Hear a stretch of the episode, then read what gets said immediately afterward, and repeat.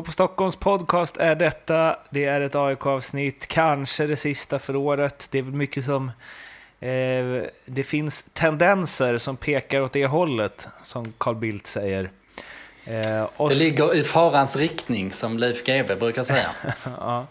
Har vi några fler saker som folk brukar säga? Nej, vad Nej. brukar folk säga egentligen? När vi ändå har Carl Bildt uppe, vad var det han tippade nu igen i VM 94? Vi pratade om det häromdagen. Ja, men jag tror han tippade att Sverige skulle vinna Mot en av gruppspelsmatcherna med 7, ja, med 7-4 tror jag han sa. Ja. Också sa han att han eh, inte var... hade så bra koll på fotboll. Han la till det, ja. Ehm, otroligt uttalande. Alltså, eller väldigt, det är bara Carl Bildt som kan säga det. Mm. Alltså, för det är ett sånt... Eh, det är ett sånt, det är ett sånt finger bara. Mm.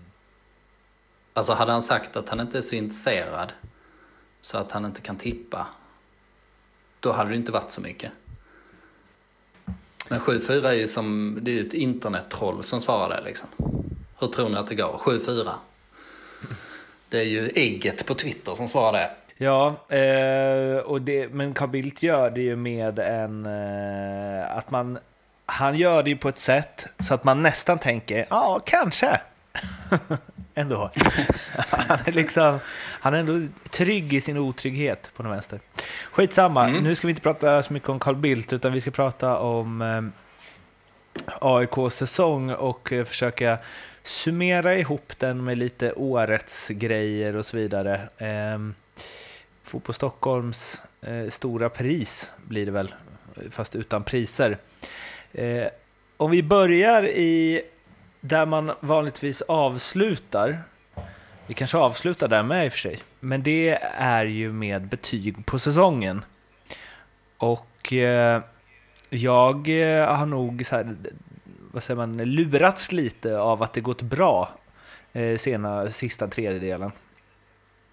Och att, eh, eller sista halvan egentligen, och att AIK har varit ett bättre lag än eh, vad de egentligen har varit. För man måste ju väga in hela säsongen och de slutar ju på, ja, trot eller ej, men på Örebros eh, patenterade ni, nionde plats. Mm, med minusmålskillnad. Ja, och bara ett mål i snitt per match. 30 mål på 30 matcher och de enda lagen som är sämre än det, eller det, det enda laget som är sämre, är ju Östersund på 27. Sen gjorde Kalmar 30 också. Ehm, och det är ju, alltså det kan ju bara bli, om två är godkänt, det är väl den skalan vi går på. Två godkänt, tre bra, fyra väldigt bra och fem världsklass, eller något, landslagsklass. Eh, då är ju ett underkänd då, och det är klart att det är underkänt. Mm. Ja, om man bara tittar på tabellen så är det ju det. Eh, jag tror eh, supportrarna känner det lite nu också i och med att man avslutade så pass svagt. Även om man då fick med sig en poäng efter en jävligt fin halvlek eh, mot Elfsborg till sista. Men eh, ja, vi får se om jag, om jag landar i det när vi är klara med det. Men jag är mer inne på en tvåa trots allt. Ehm, alltså att eh, resultatet är under, underkänt totalt sett men att det finns andra saker, liksom hur man går ur den här säsongen som, som väger upp lite grann. Vi brukar alltid avsluta de här avsnitten i dur, så ja, vi får väl se vad vi landar på till slut. Kanske blir en trea rent utav. Bara för att vi, det närmar sig jul och vi ska vara extra positiva i årets sista avsnitt. Vem vet? Vem vet? Vi är ense nu i alla fall om att AIK inte gjort någon bra säsong. Eh, samtidigt som du, Oskar, inför säsongen, eller ganska långt inför säsongen var det ju. Det var väl eh, ett år tillbaka i tiden. Eh, då du skrev om att eh, AIK måste bygga om så radikalt som eh, möjligt. Vilket de ju gjorde ju. Det går ju inte att göra det mer radikalt. Nej, det har du i och för sig rätt i. Och eh, nu var det också fel. Hur ska du ha det egentligen? ja, just det. Um, good, good point. Um, och rubriken var väl exakt sådär. Och kontentan var att man skulle, desto mer radikalt, desto bättre. Uh, så fine, liksom, om, man stannar, om man stannar där. Uh, så förstår jag att man kan peka finger även mot mig. Men uh, jag förespråkar verkligen inte något sånt här eh, vilt eh, spelmässigt eh, experiment. Där man rörde sig från den ena delen av, eller från en ytterlighet till en annan med samma tränare. Jag argumenterar ju som ni kanske vet för att Norling borde lämnat också utifrån den utvärdering som man skulle göra och, och att man skulle liksom byta kurs. Så hade, kändes det ju eh, inte som en bra idé att fortsätta med samma tränare, för jag har aldrig sett att det skulle lyckas. Det kändes liksom inte trovärdigt. Eh, nej, men min poäng var ju att man skulle Eh, desto mer man kunde föryngra och eh, förändra truppen, desto bättre. Alltså desto mer radikal man eh, lyckades vara, desto bättre eh, kommer det gå i stort sett. Alltså eftersom det, det är långsiktigheten som eh, eh, bör stå i fokus nu. Eh, och nu har ju AIK i stort sett, eh, ja det är ju snart upp mot tio spelare i den här liksom etablerade eller äldre spelare som ofta är ganska dyra och som har bidragit eh, väldigt lite får man ju säga på alla de här spelarna. Nu har man ju kommit ur det eh, och det ger liksom eh, mycket stora, eller det ger ganska stora möjligheter framöver i alla fall. Så kontentan med det där var egentligen, det är egentligen samma analys som jag alltid har. Alltså om man tittar på alla lag som har lyckats i Sverige ehm, och i ja, många andra ligor också. Ehm, men om vi håller oss till Sverige där man inte eh, liksom, plötsligt liksom, eh, har någon som kan skjuta in en massa eh, pengar från ingenstans. Då är ju den absolut främsta framgångsfaktorn om man jämför med liksom likvärdiga klubbar får man väl säga. Alltså det är klart att AIK har en större framgångsfaktor eller liksom en, en annan möjlighet att göra bra saker än vad, eh, än vad Mjällby har i grunden. Alltså eftersom man har så mycket, så mycket större intäkter på publik och sponsorer. Och så, men annars är det ju eh, de lagen som säljer bäst eh, är de lagen som går bäst sportsligt något, lite år, något år senare. Och de lagen som säljer bäst har något år tidigare satsat på unga spelare. prickat rätt med spelarna, antingen egna eller invärvad och sen så har man låtit det ha sin gång. Och eh, det är ändå märkligt att det är så många som liksom förbiser det här i analysen. Att det finns en framgångsfaktor som är så oerhört mycket större än alla andra. Till och med som MFF, varför har de ett så eh, stort och eh, liksom ointagligt eh, försprång om man håller sig liksom inom någon slags tioårsram och, och ser till det ekonomiska då.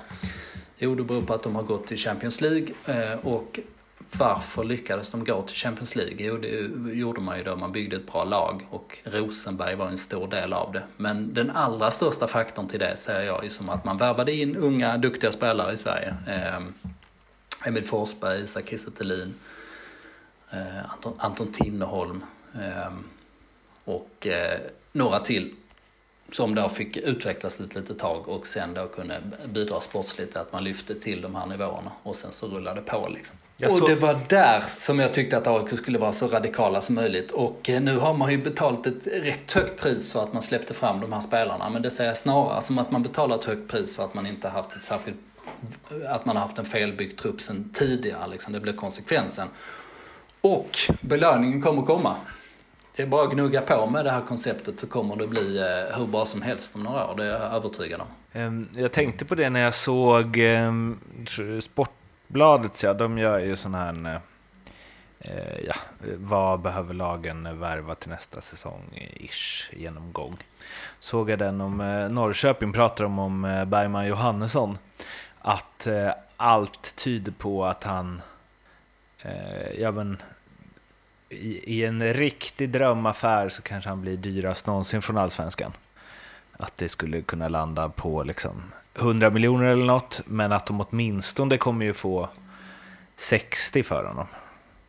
Någonting där.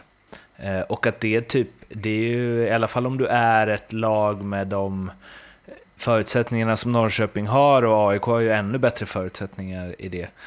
Eh, det är, det, är, det är en garant för att, det, att man kommer vara med och slåss om guldet. Ja, det är ju det. Om man, om man tar eh, säsongskorten, vad ska vi för AIK in kanske mm, ja, 20 miljoner eller någonting? Lite drygt skulle jag gissa en normal säsong på säsongskorten och alla vet ju hur viktiga de är. Ehm, men ja, då är det lätt att sätta det i en relation till en enda stor eh, försäljning när man lyckas med det. Så eh, det är där det är där den stora ekonomiska potentialen finns och det är ju en lite tråkig slutsats att det är liksom den absoluta nyckelfaktorn. Alltså, nu, nu förutsätter man ju såklart att man har eh, en fungerande verksamhet och duktiga ledare och sånt också men det är ju alltid en följd av ekonomin. Det ger liksom eh, ramarna på något sätt. Liksom. Sen finns det ju vissa eh, undantag vissa säsonger såklart. Men, eh, men det som är trevligt med den tanken då, om det är liksom en tråkig slutsats i sig, det är ju liksom att en sån klubb som AIK har ju eh, precis alla förutsättningar för att eh, lyckas bättre än alla andra utom typ, vad har vi nu då? MFF, Brommapojkarna, kan väl mätas i ungdomsverksamhet men sen, sen finns det ju faktiskt inga andra. Så eh, ja, de var ju radikala och eh, lät unga spelare få chansen. Men det var ju också lite... Um, det var kanske inte riktigt på det optimala sättet de fick chansen kan man väl säga. Alltså om man ska vara lite kritisk. Men eh, alltså en trupp ska inte se ut på det sättet att man har så många äldre spelare som, som knappt eh, bidrar. Liksom. Det blir ju en, en bromskloss på, på flera sätt. Nu, nu har vi en drös uh, året som vi ska gå igenom. Ja, nu blir det mer eh, rakt på sak. Ja. Det är mål och det är spelare och det är genombrott och värvning och flopp och match och hej och. Men vi börjar med eh, årets eh, AIK-mål. Du kan få take it away. Ja, vi har lite olika kandidater här va? Mm. Jag går med på... Um, du går med på vad säger man, stilistik och jag går med på känsla. Ja, precis. Fast jag går ju också mycket på känslan. Nej, men jag har ju valt eh, Bilal Husseins 2-0 mål mot eh, Malmö FF i början av serien. Ehm, för att det här experimentet som var igång eh, i början fram till eh, till och med det målet kan man väl säga fanns det ändå ganska stora förhoppningar om att det här skulle funka. Alltså, Rickard Norling är en geni eller galning. Um, och då var det fortfarande lite så här, ja men kanske ändå då. Alltså kanske att det skulle funka, för då gjorde ju AIK en jättefin match där man verkligen fick eh, bett med det här extrema pressspelet som man ville ha. Um, där man bara körde man-man eh, och sen liksom avslöjades även i den matchen till slut då. Um, men eh, när Bilal knorrade upp 2-0 i eh, krysset där, det var ju definitivt eh, det, ja, det inte lyckligaste ögonblicket, för det kanske är det du har valt. Eh, men det var definitivt då det fanns störst förhoppningar. Då levde alla drömmar fortsatt om att eh, AIK skulle kunna göra något helt nytt liksom. Och eh, att det skulle funka med alla de här egna unga spelarna. Liksom. Alltså det, det, var, det var ju någon slags dröm som ändå fanns där, där och då. Som, eh, och sen blev det liksom ett, ett fallskärmshopp från uppvaknandet. Jag kommer ihåg, ehm, kommer ihåg den situationen för i ljugarbänken som jag poddade med Mattias Lindström och Tobias Hysén. Då kommer jag ihåg att det kom upp någon diskussion om uh, huruvida det var dåligt agerat av Johan Dahlin. Mm -hmm. Vilken krit, kritisk podd ni har. jag, jag tänker att uh, om, man, om man släpper in ett skruvat skott i krysset som målvakt, då brukar man ju... Då behöver man ju liksom sällan beskyllas för det, kan jag ju tänka. ja, men jag tror det var Lindström som... Uh, jo, det var det. Uh, att han tyckte... Uh, jag tror det var placeringen han gnällde på. Nej, Lindström har ju tappat förståndet, det har man ju. och det det, nu men det var kanske många som gjorde det där och då? då? Eh, ja, men jag Ska vi ta det på det sättet? Att jag, jag har för mig att jag höll med. att jag tycker att Johan Dahlin står lite dumt. Att det är därför han ja, inte okay. når den. Men det kanske... För jag såg reprisen nu så tänkte jag så här, hur kan jag tycka det? också. Ja, det, det kanske... vi, tar det så, vi tar det som illustration för att alla tappar förståndet där och då. Att man tänkte att nej, vad fan, det här kan ju bara inte gå liksom. Det, det måste ju bli det är Johan liksom... Dahlins eh, fel. Ja, det måste bli energiläckage här. Eh, och så. Men ja, eller, eller kanske ja. inte.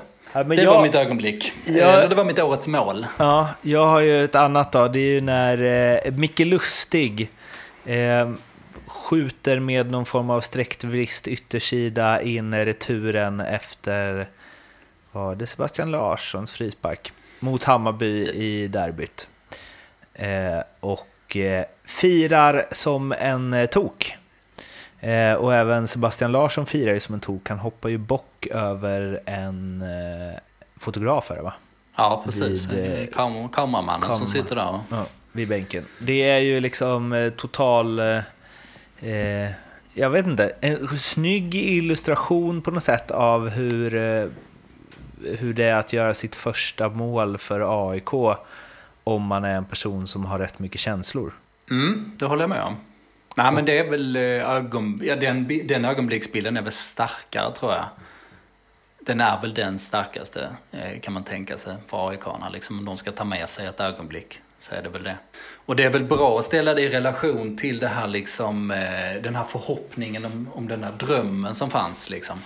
Att eh, den naiviteten straffade sig fort och sen så till sist är det de griniga gamla gubbarna som vet vad som krävs. Eh, Sebastian Larsson och eh, Micke Lustig som eh, ja, i den mer realistiska världen visar hur det ska gå till. Det är nog det målet i år också där, där, jag, hade, där jag mest saknar publik. Ja, verkligen. För att, när, alltså, allt i uttrycken i firandet och Lustig när han springer mot bänken och bara skriker eh, kräver ju, alltså, man har liksom, man har aldrig sett det på ett ställe där det inte är publik. Nej, det är bara att man hade vant sig vid det laget som man inte tyckte att det var det konstigaste man hade sett. Ja, för att man tänker att den där uh, energin ska inte gå att uppbringa på det där sättet utan att några tusen skriker rakt ut. Ja, Nej, det hade ju allt. Dessutom hade du ju liksom, eh, det var ju småfult också det där att de snedde genom eh, liksom den tekniska zonen hette det va? Mm. Alltså snedda framför Bayerns bänk liksom. Um, och det var ju en sånt litet ret eller någonting. Um, och det hade ju också då adderat att vissa hade blivit vansinniga liksom. Mm. I den stunden, alltså när Bajarna hade varit som allra mest knäckta liksom. Och så dessutom här Sebastian Larsson hade ju liksom sparkat Larsson, så. kameramannen i röven om det hade varit Förmodligen. Ja. Eh. Nej, han hade ju hoppat bocken, eller nej, jag tror han hoppat bocken då faktiskt. Och det hade ju varit perfekt liksom. Eh, alltså, för då hade man ju fått garvet och... Euforin. Ja. För det är ju, det är ju, det är ju något slags... Eh, vi kommer ju till vad som är osportsligt och inte. Mm. Och det här är liksom, om man ska vara liksom eh, en paragrafryttare så är det ju också osportsligt. Alltså, det finns säkert någon regel som säger att man inte får, eh, alltså det springa genom den eh, tekniska zonen får man inte. Men eh, det är ju liksom fotografens arbetsplats och sånt liksom. Så om man skulle vara världens tråkigaste person så skulle man kunna anmärka på det också liksom. Um, nej, det hade haft allt med publik. Det kan vi definitivt vara överens om. Nu pratar vi en del om Sebastian Larsson och hans bockhoppande då. Och nästa punkt är årets spelare i AIK. Och det är väl bockhopparen. Ja, vi kan väl inte komma runt honom som Palmemordsutredarna brukar säga. Nej. Det är ju, han är ju den viktigaste för dem. Och för att, med tanke på hur eh, många bra spelare lag, eh, alltså AIK har och hur många eh, bra spelare topplagen har och så. För det där, det känns som att den diskussionen kommer upp varje år när man pratar liksom MVP i allsvenskan, i allsvenskans stora pris och så. Att eh, jag men, Anders Christiansen ligger väl ganska bra till för att vinna i år. Det är möjligt att eh, eh Selmani skulle kunna knipa den. Om, jo, för han är nominerad till det. Han var inte nominerad till årets anfallare, men till årets MVP. Eh, och det, det, där tycker, det där är klurigt alltså. För att Christiansen, jag tror ju MFF hade vunnit guld utan honom. Eh, och då blir han ju inte det. Sen så nu när de har honom så blir han ju väldigt viktig. Typ. De har ju varit liksom dåliga utan honom, eller sämre i alla fall. Eh, men det är ju inte den spelaren som om du plockar bort den från eh, laget som försvagar laget mest. Men Sebastian Larsson skulle jag säga att AIK tappar väldigt, väldigt mycket om han inte är med. Ja, framförallt den här säsongen kan man säga i och med att eh, truppbygget har sett ut som det har gjort. Nu har ju Filip Rogic kommit in under den sista tredjedelen och lite till och gjort det bra. Och de har ju hyfsat liknande roller där liksom i det här. För, eh, framförallt när de spelar 4-3-3 i varje fall. Men, eh, men annars är det ju så, alltså dels att Sebastian Larsson håller så hög eh, nivå i alla delar av eh, spelet. Dessutom att han är en absolut mardröm att möta för motståndarna. Eftersom han bråkar om varenda millimeter. Så ja, det tillför liksom en mental dimension som man liksom... Du, kan ju, du känner ju den. Och om, du, ja, om publiken hade suttit på läktaren. Liksom. Men vår kår som har haft eh, lyckan att få gå på matcherna kan ju åtminstone kan ju notera den även nu. Eh, och som sagt svagt. Eh, svag, liksom inga, inga ersättare att tala om som är i närheten där egentligen liksom med den typen av egenskaper. Mm. Mm. Men eh, det är väl inte det sista som Sebastian Larsson kommer att vinna? Det kommer väl, eh, eller? Wow, kanske, vi får väl se. Vi tar, vi tar en sak i taget. Årets tränare vinner han ju inte i alla fall. Och, och det är också en bra kategori. jag vet inte varför jag skrev upp den egentligen. Nej. Jag, jag har tänkt att du har något S i rockärmen här, att det finns någon, eh, någon spaning ner i Ja, vad kan jag ta fram? U16 liksom, eh, ja, exakt. Eh, Nebojsa Novakovic har jobbat med rätt många av de här eh, talangerna som dykt upp. Ehm, de har ju en talanggrupp eh, med spelare som är tänkta att vara liksom nästa, nästa eh, tillskott till A-truppen och så. Och där har ju Nebosha varit ganska inblandad. Så jag vet inte om jag kan dra den. Eh, sen, är väl liksom, sen, ska, man kanske inte, sen ska man nog inte tillskriva Nebosha all ära heller för AIKs liksom talangutveckling. Utan det är ju liksom ett större maskineri än så. Ehm, så nej, vad fan, vi stryker punkten bara. Det är klart att det är Bartosz eh, som har... Eh, har Också i brist på konkurrens. ja, gjort ett gott jobb eh, sen han kom in. Precis. Sen har vi den här nästa Sebastian Larsson-utmärkelse då, årets Absolutely Incredible Shithouser. Eh, men det, det måste ju vara Sebastian Larsson. Med tanke på hans eh, spelförstörande i sista matchen som ju var underbart på alla sätt och vis. Och där kan, mm. vi, där kan vi faktiskt komma tillbaka lite till osportsligheten. Jag är ju jag är lite sån att jag inte tycker att det finns något osportsligt eh, på elitnivå. Jaha, det låter spännande där. Så du, du menar liksom att det finns inte en absolutely incredible shithouser? men så här, Alltså du vet, om du springer igenom den tekniska zonen, det är så här, ja. Du kan inte bli man kan, man kan inte bli, ja, man kan bli irriterad på det, men osportsligt. Är det osportsligt när Sebastian Larsson glider ner på knä framför Malmös eh, spelare? Ja, det är väl klart det är osportsligt. Ja, men... Sen så behöver man ju inte sätta honom i fängelse för det. Men, Nej, eh... men är det fel då, att vara osportslig? När ja, man spelar i Allsvenskan? Det är ju en väldigt intressant diskussion. Det, det kan man ju liksom koka ner till eh, filmningar är väl den bästa eh, illustrationen av den eh, diskussionen. Ja, men, ja, och det, och det, är nog... kast, kasta sig och avgöra ja. en match eh, och det, det är ju det, det är mycket värre att filma sig till en straff än att glida ner på knä och fira ett mål framför motståndarbänken. Mycket värre. För det har ju ja. påverkan på matchen. Ja, nej jag vet inte. Det är väl lite definitionsfråga där också. Kan hålla med där i grunden, men det kan ju vara liksom en filmning som en liten förstärkning och sådär. Jo, jo, alltså, jo, jo men om det är en, alltså, det är ju värre att fuska än att fira framför motståndarna. Ja, men då får man ju, ja precis, jag höll med dig i grunden där. Men då får man ju dra liksom en skarp, skarp linje på vad exakt som är fusk liksom.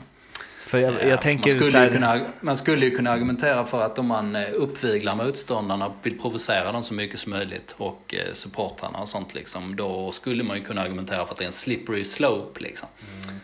Alltså om du, eh, visar, om du visar fingret till eh, motståndarens klacken efter du gjort mål. Liksom. Fredrik Stenman. Exakt, den garvar ju alla bara åt. Men om det hade varit mot, ja det, det gör väl alla när det är lite tid liksom. Men om det hade varit ett jävligt känsligt läge, alltså om en djurgårdare gjort det mot AIKs klack nu liksom. Alltså, ja. Ja, men sen jag sitter inte på några säkra svar, men jag menar bara att man eh, kan ju diskutera det. Ja. Sen så, för jag, jag bland det värsta jag vet i sånt där, det är väl kanske därför jag går så långt åt ena hållet, det är när så här, NHL bötfäller Ovechkin för att han eh, efter att ha gjort mål firar med att låtsas värma händerna på sin klubba för att den är så het nu. Att det är så här osportsligt eh, mot motståndarna. För det kan, man kan ja, se okay. det som ett hån. Mm. Och då, eh, det är okay. det jag menar, då är det bättre att vi... Om, om, det, om jag får välja mellan det och att det inte finns något osportsligt så väljer jag ju hellre att det inte finns något osportsligt.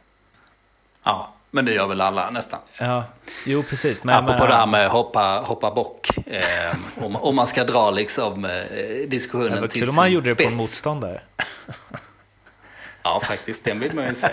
Det, det hade man ju uppmuntrat. Nej, jag, men, jag menar bara att det finns, det, liksom, det finns inga absoluta gränser. Liksom, utan man, man får hålla det som en aktiv diskussion hela tiden. Vad, eh, men han är ju det här, Seb.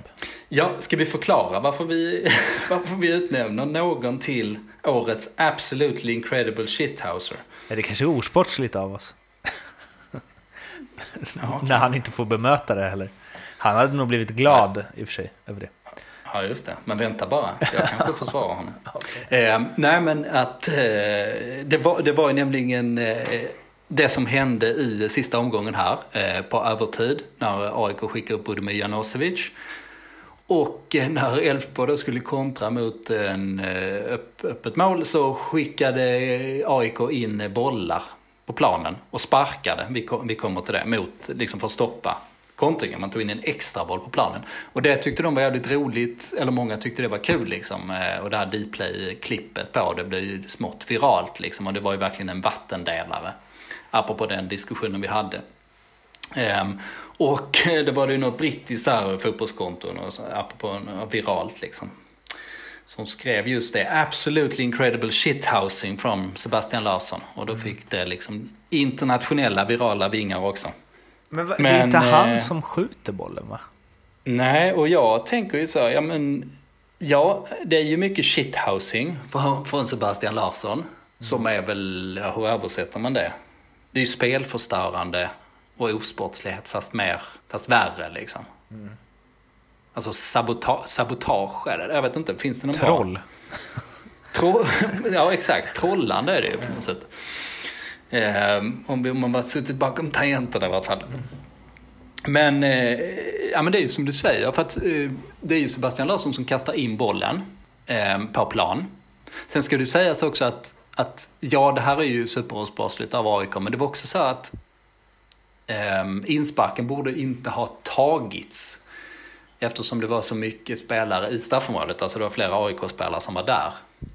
Alltså, och, um, ja, så insparken skulle ha väntat. Det ändrar ju inte det osportsliga beteendet men det ändrar ju själva regelfrågan då liksom. Och nu blev det ju inte mål heller. Det hade förmodligen inte blivit mål ändå liksom. Men med allt det här sagt så är det ju faktiskt, eh, det är ju Sotte som slår den långa passningen när han försöker pricka den andra bollen.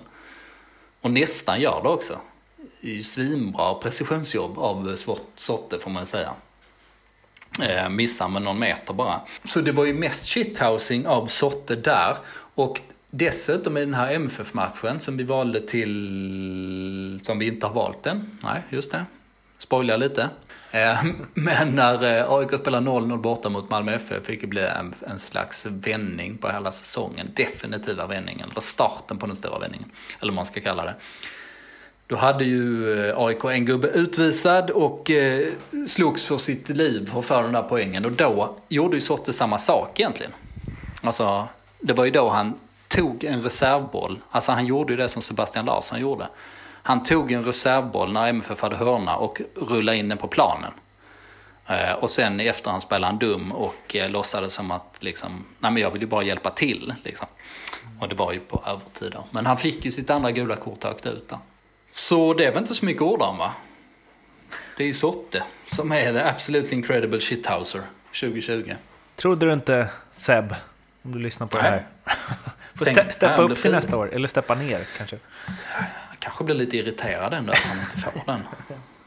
Eh, årets genombrott, där kan man ju tänka att eh, det finns eh, en del spelare som aspirerar på den utmärkelsen. Det var ju eh, Robin Tihi som var hypad inför säsongen, eller i han var liksom bra under försäsong och kuppen och det var Ja, det var ju eh, unikt med en eh, så ung eh, mittback som tog för sig på det sättet. Också i ett helt nytt spelsystem och det kändes som man kunde sätta honom var som helst eh, utan att eh, han chokade för det. Men det höll ju inte i sig riktigt. Paulus Abraham eh, fick också en del chanser och eh, visade ju prov på en exceptionell talang. En exceptionell eh, förmåga att eh, avsluta och göra mål. Och eh, man kände att wow, vilken jävla värvning AIK gjort här. Men om man ska koka ner hela säsongen och betygsätta utifrån det, vilket vi ju sa i början att det, man måste ju ändå se, se vart man hamnar i tabellen så att säga. Och om man då ska se på alla insatser under hela säsongen så är ju ingen av dem årets genombrott i AIK. Nej, det är vår vän Erik Karl som får den titeln. Och det var som du sa där, att man trodde ju rätt mycket på eh, Ti, Tihi, men han, han chokar ju faktiskt. Eh, svåra, svåra förutsättningar i och för sig, men han tappar ju eh, rätt mycket där efter en väldigt fin eh, start. Men Erik Karl växte ju under hela året kan man ju säga. Och eh, skillnaden då mellan honom och eh, Paulus Abraham är ju att Erik Karl, nu sa jag så som jag tro, trodde han hette till en början, när vi inte hade så, hade så bra koll på honom. Eh, står dock kvar till att, han, att, att det borde vara så. Eller hur? Det är tysk, tyskt efternamn. Eh, även om man inte själv går med på det. Så, så det är den kullen jag vill dö på. Det är inte alltid man har koll på sitt eget namn heller, ska sägas. Nej, Det är ingen Eller- garant för att det är rätt. nej exakt. Det ska jag fan mig säga till honom ändå. Säga några sanning, sanningens ord. ja. Eh, nej men skillnaden där var ju att han höll en hel säsong och det är ju liksom det här klassiska för eh, unga talanger som kommer fram. Att de blixtrar till och sen så finns, ja sen så dippar det dippade och pendlade väldigt mycket. Att det tar tid att hitta den här jämnheten så är det ju i de allra flesta fall. Och Erik Karl, eh, alltså han, han pendlar ju en del i matcherna. Alltså han har en jävligt liksom eh, frejdig stil. Och det kan hända, eller det händer mycket kring honom liksom. På, på gott och ont. Eh, mest gott. Men eh, han har liksom aldrig klappat igenom utan han har liksom hela tiden hållit en hög... Eh, ja, snittet har ju legat högt hela tiden. Och det gör ju att vi tror att han eh, kommer säljas i vinter. Eller att det är stor chans, eller risk beroende på hur man ser det, för det. Eh, medan eh, Paulus Abraham inte kommer göra det. För där har vi klubbarna, jag är helt övertygad om, om att scouterna har liksom sett den här härliga, fantastiska Eh, eller intressanta spelaren och sen så när man har följt honom lite längre så har man sett att det dippat och det varit många anonyma insatser på slutet och då tänker man eh, sannolikt okej, nej men han är inte klar, vi behöver ha mer eh, koll på honom innan vi, innan vi investerar för att Paulus Abraham kommer ju inte vara en billig spelare utan han kommer ju säljas ganska dyrt liksom och då behöver de scoutande klubbarna mer eh, eh data än så, så att säga. Så grattis Erik Karl då, helt enkelt. Det är vi, ja, vi var eniga om den va? 100 procent. Eh, och då går vi till nästa som är lite mer eh, eh, negativ klang, årets flopp. Och där vill jag återigen eh, referera till ett samtal jag hade i ljugarbänken då, där eh, Tobias Hysén skulle välja ut årets flopp i hela allsvenskan och då sa han att ja, det är ju Hammarby, eh, IFK Göteborg eller Kolbeinn Sigthorsson. Och eh, lyfter väl fram Kolbeinn som någon form av... Eh, man har gjort noll mål på eh, den här säsongen. Han har ju inte spelat liksom supermycket, men noll mål är noll mål.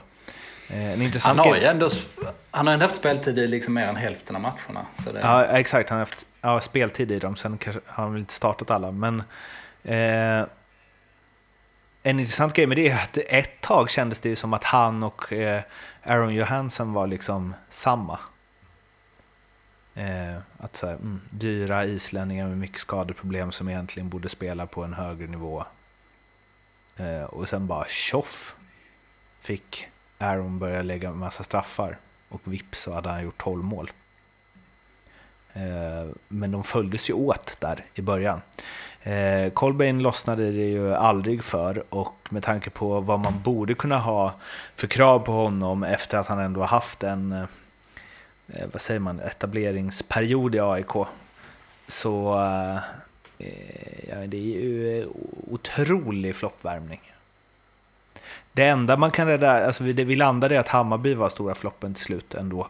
För att eh, jag sa att jag hade inga förväntningar på Sitorsson inför den här säsongen. Jag hade inte räknat med att han skulle göra mer än tre mål. Liksom. Nej, precis. Sen är å andra sidan dina förväntningar där utgår inte liksom från att han är tänkt som en reservspelare som är billig eller något sånt. Utan dina förväntningar utgår ju bara från att han var dålig förra året. Liksom. ja, eh. Så, så nej, jättemisslyckande givetvis eh, på alla sätt. Liksom. Det är ju det är svårt att göra en sämre, sämre värvning. Alltså att man tar in en etablerad spelare som är tänkt att eh, så fort han är frisk så ska han vara en stjärnspelare. Och sen levererar han inte överhuvudtaget. Um, sen så har det ju varit ett skadebekymmer där, han har varit lite sjuk och lite allt möjligt. Liksom. Det är klart det kan finnas förmildrande omständigheter som åtminstone liksom förklarar varför det inte blev någon succé. Um, men uh, inte, inte till den här graden eh, intressant eh, grej här liksom. Tänk, tänk ändå att det var liksom verkligen eh, kamp om honom mellan Djurgården och AIK. Och att AIK vann den här prestigekampen. Så där hade vi haft en en annan historia om Djurgården hade haft honom under 2019 i laget. Årets citat. Där eh, vill man ju dra sig tillbaka till när Westrum och Norling sa inför säsongen att vi ska vinna allt. Så blev det inte riktigt. Det var på ett kyligt Skytteholm. Då är det rätt att känna det i och för sig. I ett annat tidevarv när man liksom har packat in så mycket folk liksom, där målet var att få in så mycket folk på så liten yta som möjligt. Det var, liksom, var ett sånt samhälle vi levde i där. Ja, då pratade ju både Björn Westram och Rickard Norling om det där. Eh, om målet med säsongen. Och eh, ja, eh, och det är liksom, det är retorik, liksom, det är lätt att dras med och det är lite publikfrieri och sånt där liksom. Men det hade ju även varit eh, eh så som man pratat i något annat sammanhang liksom. Och, eh, jag ty tycker ändå att man får, man, må, man måste lära sig av det där. Att eh, man kan inte prata på, liksom, dels säga att det är ett utvecklingsår och sen säga att man ska, ska vinna allt. Liksom. Och då var det superkonkret där med att vi ska vinna kuppen. Det är liksom absolut tydligt mål som vi har. Liksom. Mm. Och det, eh, ja, det, hjälp, det hjälper inte att säga så. Eh, jag vet inte om man liksom tänker att man ska bygga mer hype liksom, eller få med sig sponsorerna. Men eh, Problemet är att fallet blir så högt liksom i onödan när man pratar på det sättet. Hade man eh, däremot bara pratat ett, om ett utvecklingsår eh, hade ju liksom, eh, man kanske fått en liten kortsiktig dipp liksom. Ehm, eh, och folk hade kanske irriterat på, sig på det eh, där och då. Liksom. Nu måste vi fan fortsätta trycka på här liksom. Eh, men man hade liksom haft allt att vinna i, i det längre. Liksom. Så eh, jag tror ändå den där retoriken spelar en, eh, en, en viss roll. Liksom. Så, eh, men av att döma av eh, den andra delen av säsongsutvecklingen, alltså efter man gjorde de här dyra sommarköpen, eh, som man också då var liksom tvungna att göra på grund av felbeslut tidigare. eh, eller tvärt emot beslut. För det var ju bara några veckor tidigare som man hade tackat nej till Alexander Milosevic och Johan Blomberg som egentligen som duo var i stort sett identisk med den man tog in först och främst där i, i form av Rogic och, och Sotte. Eh, samtidigt som att den förstnämnda duon där var ju, hade ju liksom kostat en bråkdel av vad det kostat sen. Men efter det så har man gjort allting då för att eh städa och prata eh, långsiktigt och eh, ta rätt beslut tycker jag. Man har gjort mycket bra efter det. Årets match har vi ju eh, sen och det blir en 0-0 fight kanske inte... Eller kanske symboliserar AIKs år i och för sig. Vi spoilade lite också där, att vi valde MFF för borta. Mm. Och eh, det bara sortes eh, när han tog det andra röda kortet där på övertid. Men det var ju och inte på grund av den? När, det var inte det. Eh, nej, det var ju en liten bragdinsats man gjorde där. Och eh, Bartosz höll ju på att tappa rösten. Men eh, då hade man, eh, efter en förfärlig start med Bartosz, där man bara var liksom slutkörda och trötta. Så fick man lite vila. Eh, enkel seger mot Helsingborg när man fått eh, vila ut. Och då kanske man trodde att det var på gång men sen förlorade man hemma mot Häcken. Och då kom den här MFF-matchen som verkligen blev den stora vändpunkten. Att man fick den här eh, smått bragdartade poängen och sen efter det så hade, hittade man ju den här jätteformtoppen. Så eh, det var ju verkligen eh, matchen när man fick saker på, på rätt köl igen. Och eh, på något sätt liksom, ja, Bar, alltså Bartos genombrott på något sätt. Alltså dels att folk gillade så jävla mycket där, alltså man såg hans brinnande engagemang. Alltså det, det går ju genom rutan så att säga. Mm. Men kanske också att han fick svaren där på något sätt. Att jo, men det här kommer faktiskt bli ganska bra. Så med allt detta sagt då, är vi kvar där vi inledde? avsnittet? Ja, ska vi börja med dig? Är du kvar på din underkända etta?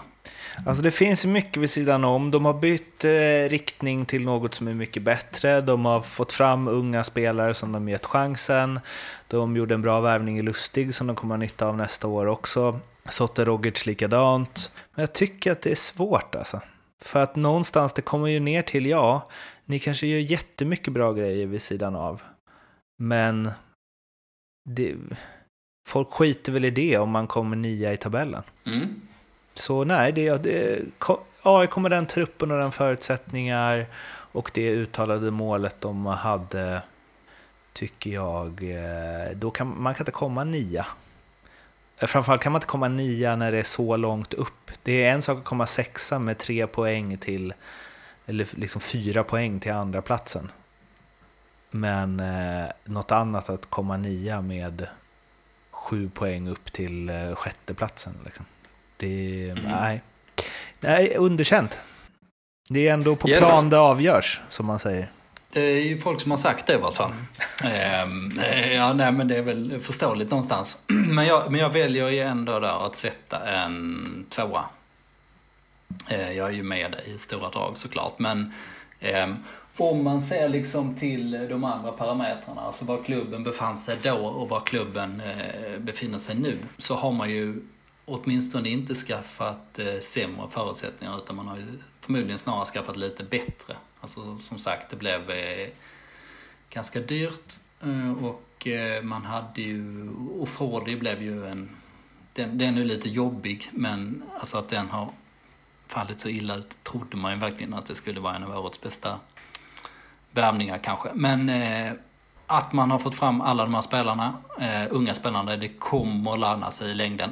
Eh, det är jag helt övertygad om och det är en stor sannolikhet att det kommer löna sig så det bara sjunger om det. Att det, liksom, det kommer vara den stora faktorn till att man kommer gå eh, jättebra i många år om man bara fortsätter på den här linjen. Men vet du vad? Det är ju, det är ju om de hade gjort det och gjort ett bra sportsligt år, då är det ju bra. Alltså, de, för att om, om ens enda mål är, eller om det är så här, vi ska bara få fram massa bra spelare, skit i hur det går nu, för det, det kommer gå bra om några år. Då, eh, om man betygsätts på det, så då kan man ju... Eh, alltså förstår du vad jag vill komma? Nu ger du dem bara en tvåa, det är inte så att du hyllar dem. Men eh, det svåra ligger, det, det allra svåra ligger väl i att matcha in eh, unga spelare för att framtiden ska bli ljus utan att eh, rasa ihop fullständigt när man väl gör det. Ja, så är det ju. Och det är ju en del av förklaringen kanske till att det gick så dåligt i början. Men den stora grejen var där var ju bara det taktiska experimentet. Mm. Alltså, jag vet inte om det hade gått så jäkla mycket bättre om man spelat med Rasmus Lindqvist och eh Robert Lundström och Stefan Silva och Heradi Rashidi och Kolbein liksom. Um, och apropå alla de, de namn jag tog upp där liksom plus eh, Panos Dimitriadis och eh, sen är det ju viktigt för AIK att eh, klippa med eh, Jakob Haugård och eh, Stefan Silva som bör ha fortsatta kontrakt men de har man ju ingen nytta av. Mm. Så då är det liksom nästan ofta bättre att bara liksom köpa ut dem om man inte kan annat. Eh, men man, man försöker att få dem till nya klubbar, eh, bäst för alla parter så att säga. Men, men bara det där är mycket värt alltså för att man har haft en för stor och obalanserad trupp. Och nu eh, har man ju möjlighet att korrigera det. Mm. Så eh, ja, men eh, jag segar mig upp till en tvåa där eftersom jag tycker att man har skaffat sig lite bättre eh, långsiktiga möjligheter med den här säsongen, trots allt. Ja, det var... Eller ganska mycket. Eller ganska mycket bättre alltså.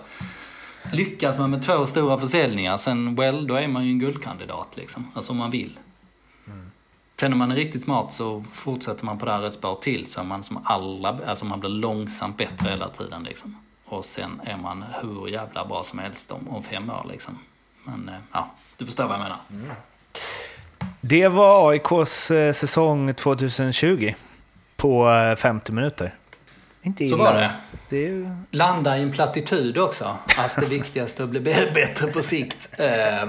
men jag tror folk fattar vad jag far efter. Och eh, att det trots allt är liksom ett, eh, ett teoretiskt resonemang som ska göras i praktiken också. Men vi behöver väl inte frångå vår slogan va? Eller vad, vad kallar vi det? Vår tagline. Vad, vad syftar du på nu?